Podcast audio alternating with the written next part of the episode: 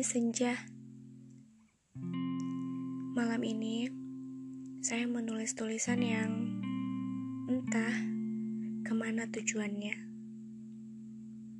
Esok pagi saya harus berangkat kembali, meninggalkan kota yang selama ini menjadi saksi tumbuhnya perasaan saya.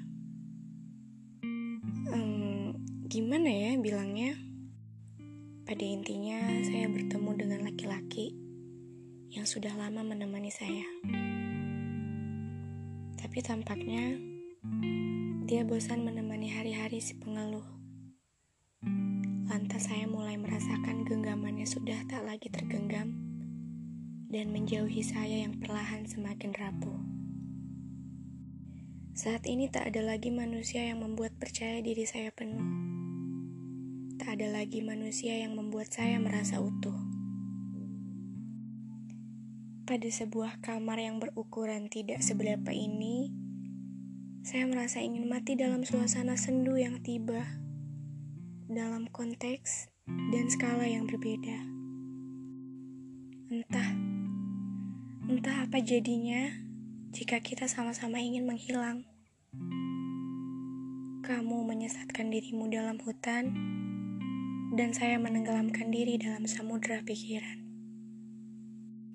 Saya lelah, sungguh. Bukan karenamu atau apa pun yang berkaitan denganmu, bukan. Saya lelah dengan diri yang kian gagal menjadi apa yang kamu mau. Rupanya saya gagal menyelamatkanmu. Kalau suatu saat kamu mengingat saya, meski tidak setiap waktu, tolong tanyakan pada setiap sudut kota ini yang pernah kita jejaki berdua.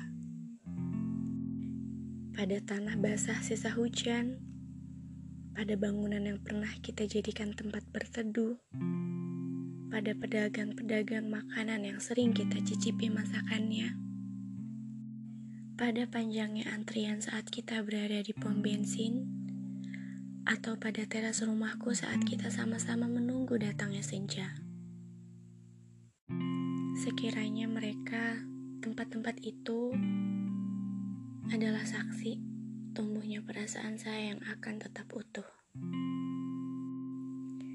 Kamu adalah permintaan saya pada semesta yang paling tidak masuk akal. Karena itu, setiap saya memintamu, doa yang saya tuju menuju langit akan selalu menabrak kemustahilan lalu berbalik arah tanpa hambatan. Dan meski dalam kemustahilan itu, saya masih dan akan tetap selalu mencintaimu. Entahlah, saya telah habis napas di bawah permukaan dengan suara gemercik gerimis. Sebab hujan seharian mengguyur tanah Pandeglang.